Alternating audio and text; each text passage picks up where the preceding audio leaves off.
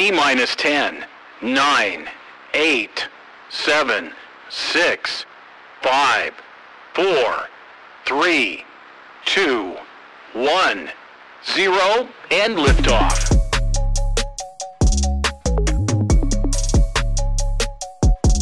Så da sier vi velkommen til eh, Thomas Leira, CEO i Vake, et oppstartsselskap som holder på med maskinlæring, AI innen havvåkning og analyser av satellittdata. Velkommen. Jo, takk for det. Veldig hyggelig at du tok deg tid til å prate litt om oss. Lurer på om du kan snakke litt om Vake, din bakgrunn, hvordan du kom på å begynne med dette i denne space-bransjen, som er veldig ny og spennende og det skjer mye i. Ja. Eh, jeg kommer jo egentlig fra en helt annen bakgrunn. Eh, jeg jobba sju år i Telenor med forretnings- og produktutvikling eh, der. Eh, fikk eh, reist litt til ulike deler av, verden og jobbe med det. Både utvikling av fysiske produkter og digitale tjenester etter hvert. Før jeg jobba halvannet år i DNV GL. Da også med maskinlæring, eller maskinlæringsprosjekter. Og så var jeg så heldig å få møte de her to tekniske co-founderne mine. eh, Adrian Tofting og Lars Henrik Berg Jensen. um, som eh, pitcha uh, Vake, og ideen av Vake, som egentlig er sanntidsovervåkning da, av all maritim eh, aktivitet uh, fra satellitt. Um, ja, og da siden det så uh, banka jeg på døra hos dem og sa dere har jeg lyst til å prate mer med. Vi må ut og prate med skipsforsikring, shipping, offshore, myndigheter. Uh, litt med den bakgrunnen jeg har, da, for å liksom involvere brukere sånn tidlig i, i utviklingsløpet. da. Um, ja, så Adrian uh, og dem og Lars da jobba jo da på um, Tok masteroppgave egentlig på det her temaet. Um, bruk av stordata for uh, maskinlæring og maritim overvåkning. Um, ja, så de har, de har egentlig jobba med det eh, enda lenger og fikk egentlig i stand et forprosjekt med støtte fra Innovasjon Norge og rom, Romsenteret.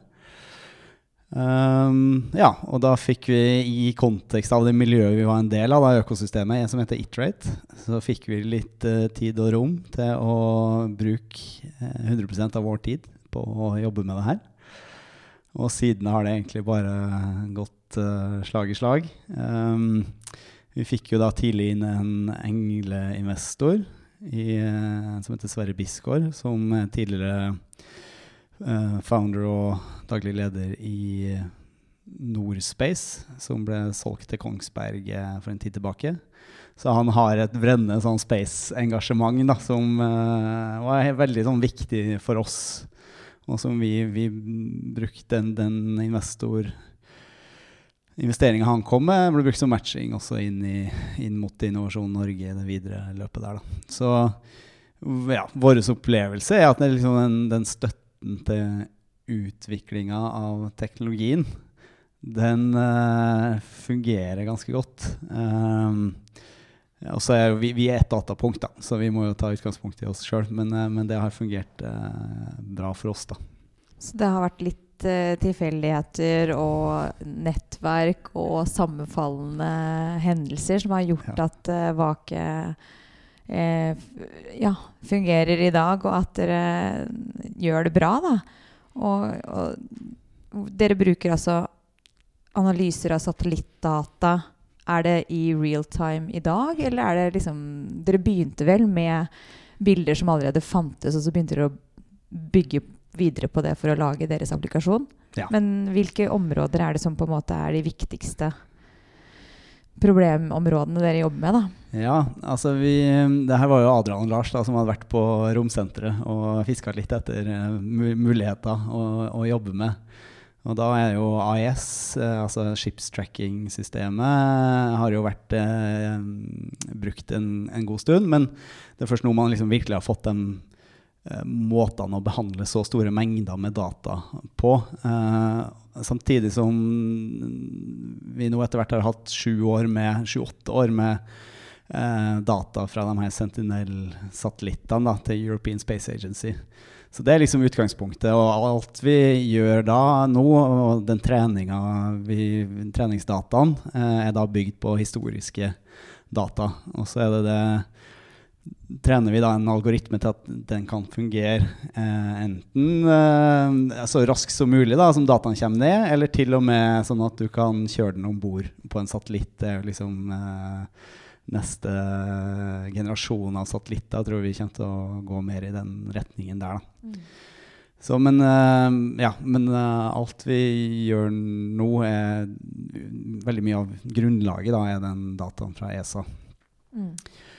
Og så er jo applikasjonene ganske mange. Vi uh, For jordobservasjonsselskaper generelt så mener vi at det er et litt problem at man kanskje smører seg litt bredt. At man tenker for bredt på mange ulike industrier. Men vi har tatt et veldig bevisst valg på at det kunne maritim vi fokuserer på. Og selv innenfor maritim så har du da myndigheter som er interessert i hva som foregår offshore energi, vind. Og så har du shipping, altså de som handler varene som sendes over rundt omkring i verden, er jo interessert i å predikte Hva kalles det? Forutse. Forutse Uh, forecaste. det er lov med engelske ja, ord og uttrykk innimellom. Det går helt fint. Uh, forecaste, supply, supply and demand. Tilbud og etterspørsel på, på ulike varer. Da. Så, så, og så har du da til, til slutt også skipsforsikring. Jeg er jo også uh, ute etter å verifisere hva det var som faktisk har skjedd i en del tilfeller. og sånn da. Mm. Så vi, vi, ser egentlig bare muligheter. Selv for oss er liksom mye av problemet å prøve å fokusere seg inn på det problemet man tenker det er størst sannsynlighet for at det er en match med den teknologien man har, og det stadiet det er på i dag. da. Mm. Og her er jo liksom veldig mye av vanskelighetene, tror jeg, i for space og for satellittselskaper, eller utfordringene, utfordringene egentlig. I det at det, det, er, det, blir fort ganske deep tech, og det blir en ganske lang sånn valley of death, som vi kaller det. Fra liksom technology push til, til opptaket av uh, tjenester, eller at, at kunder ber om det, eller etterspør det. Det er ganske langt. Uh, og det er mange muligheter som ikke er brukt ennå, eller som ikke er tatt i bruk, eller som man ikke har tenkt på. sant? Um, og da, derfor blir, mener vi det liksom er enda viktigere å prøve å koble seg på det problemet, den kunden, man prøver å løse et problem for.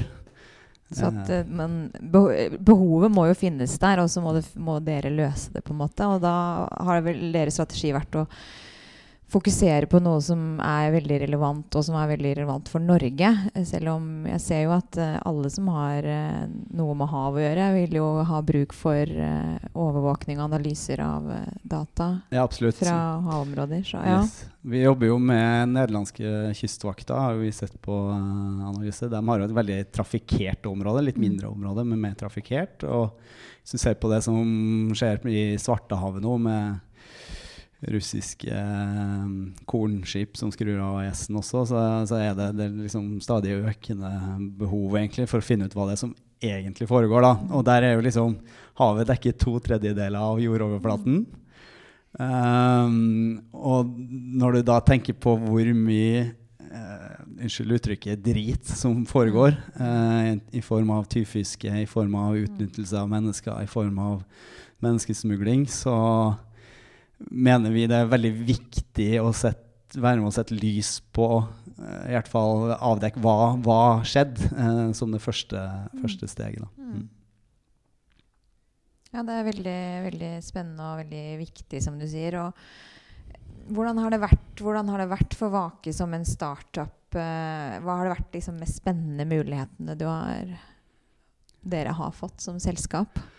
Ja, det, altså jeg motiveres veldig av det å se produktet eller tjenesten eller teknologien man lager, i bruk. Mm. Og det, for, for meg det er veldig smertefullt når man er på sånn tidlige utviklingsstadier, og se hvordan kunder tar i bruk det, og det, det, bare er fullstendig annerledes enn det du tror, og det gir ikke den verdien du vil det skal være, og, og den type ting. da. Så for meg er det det som i hvert fall trigger meg til å gjøre det bedre og fortsette å utvikle seg. Um, Tidlig testing er essensielt eh, i møte med kunden for å kunne lage et godt produkt. Nettopp. Ja. yes. Mm. Uh, lukke den der feedback-loopen. Uh, og det å, Men også det, liksom det å se det hvis du, Det er ingenting som er så belønnende omtrent som å se de tingene ute i verden og med med en faktisk impact i uh, menneskers eh, liv. da. Mm. Uh, da tenker jeg også på, altså Det var jo det som trigga meg i utgangspunktet med produktutvikling uh, fra Telenor. var jo det Vi jobba på en sånn her uh, liten sånn mobil ruter. Eh, og det å være med å utvikle det, og så se den i butikken, og folk som står og interagerer med produktet og den tingen du har vært med å lage, da, det er virkelig det som, det som trigger, be, trigger meg, da. Mm. Mm, mm. Hva har vært eh, mest utfordrende som en startup innen romnæringen? det er sikkert flere ting, eh, men eh, om du kan peke på noen områder eller eh, Ja, vi har jobba i Selskapet ble oppretta i 2019. Ja. Adrian og Lars har jobbet, levert masteroppgave i 2018 og har jobba med det enda lenger Mm. enn det. Så Mm. teknologien har jo vært i utvikling hele veien. mm. Og så er det jo nettopp det med de touchpunktene um, med, med kunder som gjør at vi hele tida har utvikla det her videre. Da. Altså vi starta f.eks. med multispektrale optiske satellittbilder. Altså de inneholder mer informasjon enn bare det synlige lys. Ja, Så det er liksom nisjestarten for oss. ja. Men har etter hvert gjennom uh, kundedialog og sånn innsett at altså, vi, det Ja. spiller egentlig ingen rolle hvilken flyvende delfin det er som fanger dataen. Det, det handler om hvordan du setter sammen riktig inf informasjon til riktig tid, og levere det til riktig person som kan gjøre noe med det. da. Strukturere den dataen, for det er jo big data, og Ja. da må det på en måte tolkes og gjøres lesbart da, for brukeren. Og den vil vel egentlig bare ha konklusjonen på en linje, hvis man overdriver litt, så Nettopp. Ja. Og nettopp, jo, men det er helt, det er helt riktig. sant? Det, Mm. Hvis du får den informasjonen du trenger, så kan det like gjerne være et eh, deg kamera på et skip som en, som en satellitt. på en måte. Mm, mm, Og det, bare for å si litt om utfordringa her. altså Det, er jo det som er med kanskje rombransjen og satellittbransjen, er jo at det er relativt sett ganske mye lengre utviklingssyklus. Hvis du skal launche en egen satellitt, så er det minst eh, tre-fire år før du er i bane, og før du får den dataen. Så hvordan treffer du da hvis du, hvis du skal levere på en tjeneste om fire år, hvordan treffer du egentlig på det du kravspesifisert eh, fire år tidligere i forhold til den tjenesten du prøver å levere? da. Så det er liksom veldig høy risiko der egentlig for at man begynner å avvike på det man tenkte man skulle gjøre, og det som faktisk er behovet. på en måte. Så det, det er et ganske stort problem da, i forhold til den ja, Valley of Death som jeg nevnte tidligere også. Da må man være liksom i konstant eh, dialog da, med kunden og teste og Ja, men, men det er vanskelig. Du må jo da mokke, eller du må liksom fake dataen, eller du må fake Mm. en del tester. Og du må, man må prøve å være litt kreativ på hvordan kan vi teste det her uten å egentlig ha dataen. Og ofte så blir det jo litt sånn hypotetiske spørsmål man stiller kunden nå. Hva ville du gjort hvis? Og så er ikke de nødvendigvis så veldig eh, gode på å evaluere egen eh, eget handlingsmønster i forkant heller, ikke sant?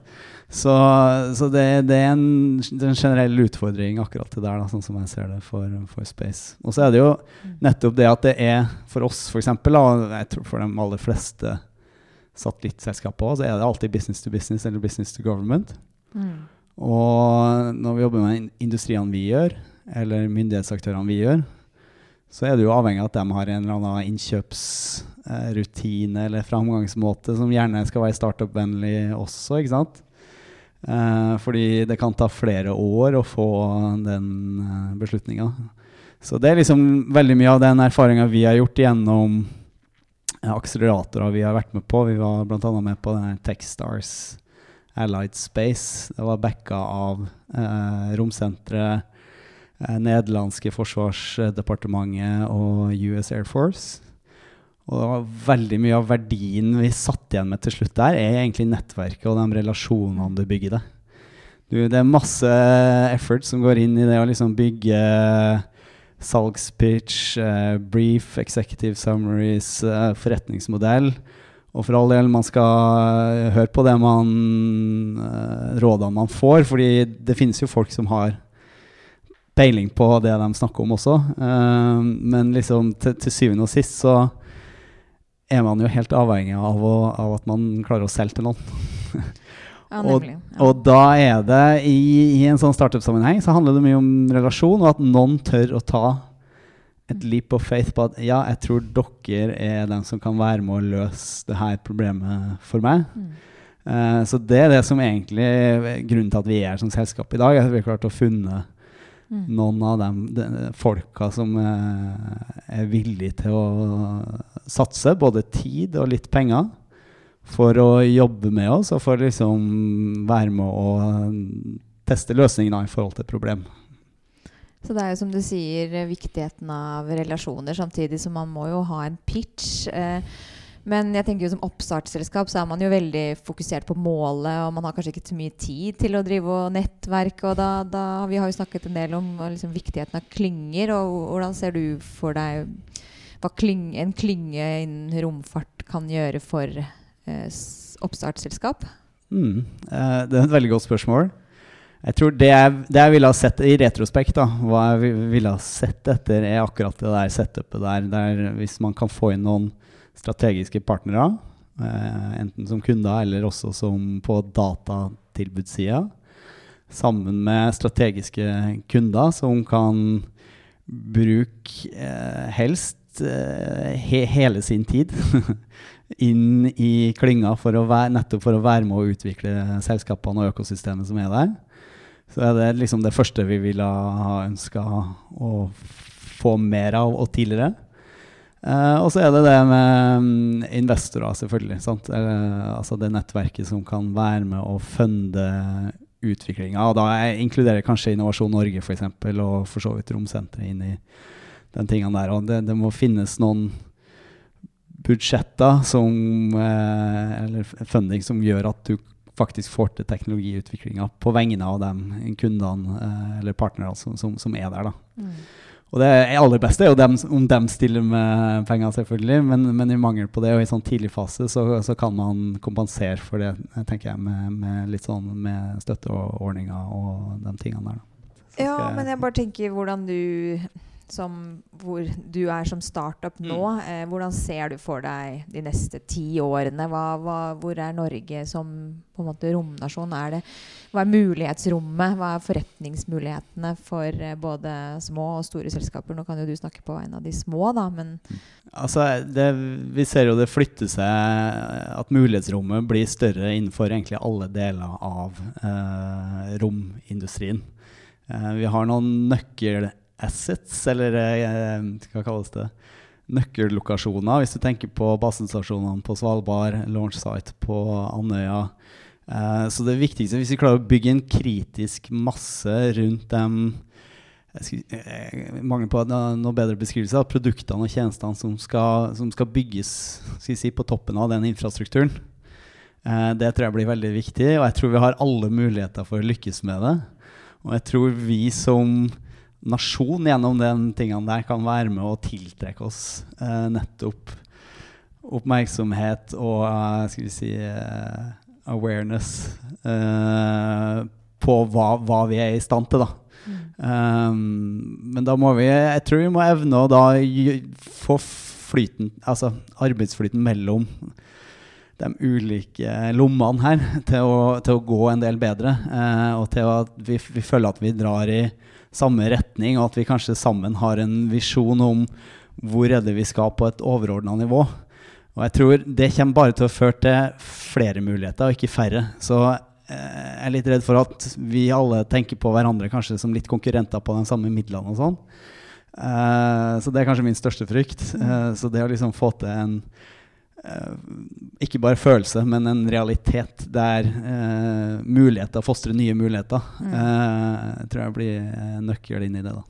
Det er jo flere som peker på at uh, Norge har en, av- er av få nasjoner som har en ganske komplett verdikjede innenfor uh, space. Altså fra uh, satellittbygging, launch etter hvert, uh, og på en måte downstream. Um, hvordan ser du på det? Er det, på en måte, er det av betydning?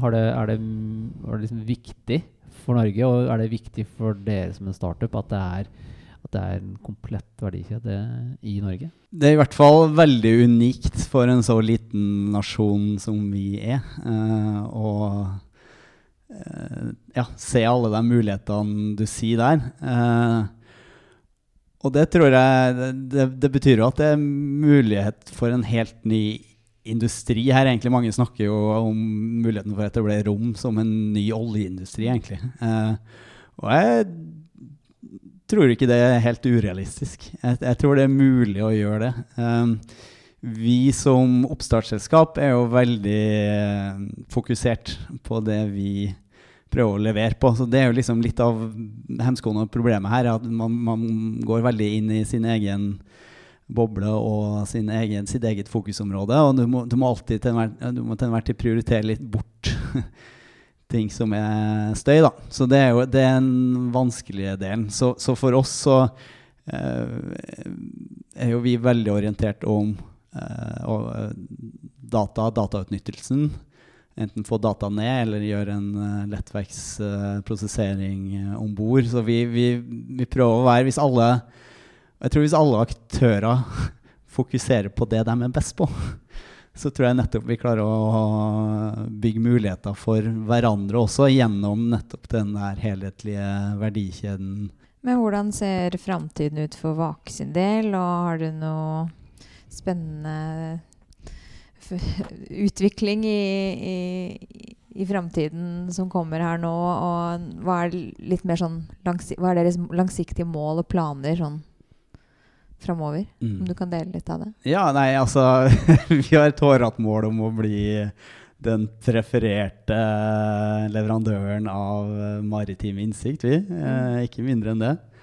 Eh, og egentlig uavhengig av eh, sensor og tracking, kan du si. Så Uh, Hvordan ligger dere an i det? jo, bra. Vi, altså, vi, vi, har jo flere um, prosjekter vi jobber med kunder innenfor. Både innenfor offshore og, og innenfor uh, det semisivile myndighetssegmentet, da, som vi kaller det, som liksom er mer kystvakt og kystverk og den delen der. Uh, og vi har to tjenester i markedet um, som vi jobber med. Unnskyld, jeg korrigerer det. Vi har to tjenester vi jobber med som er Vake Overwatch, som er når det da er spesifikke områder eh, en kunde er interessert i å følge med på. Og så er det Pathfinder, som er tracking av spesifikke skip. Så vi ser på fem år med historikk eh, for et skip for å være med å verifisere at det gjør som det sier det gjorde, eller eh, ja, det avviker her og der. Eh, den type ting. da. Så er det det å kun tilpasse det der til hvert use case eller til hvert, hvert, kundesegment, som er det neste vi jobber med. da.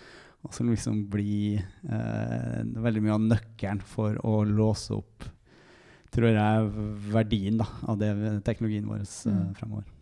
Dere har jo absolutt et uh, selskap som har uh, global uh, outreach, som vi sier du så. At det er uh, bruk for deres uh, tjenester i, ikke bare i Norge. Og det, det er jo et veldig viktig forretningsidé for å kunne lykkes. da. I, altså, Norge er jo ganske lite land, så man Absolutt, så, må jo tenke stort. Ja, nei, det er helt riktig. Jeg tror det, det er nettopp derfor vi har fokusert på maritimt, det er jo pga. vårt si, egentlig nasjonale fokus. Mm. Hvordan vi har brukt uh, satellitter i Norge egentlig over uh, uh, mange år, med AIS-satellittene fra FFI f.eks.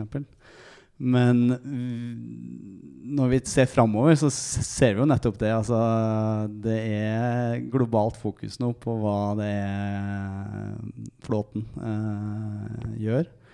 Um, og nettopp derfor så er vi helt avhengig av å være internasjonalt uh, orientert. da.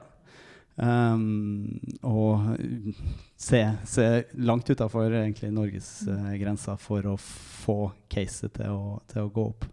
Men der opplever jeg jo altså norsk uh, romindustri har jo fått til det også, gjennom både Kongsberg og KSAT annet.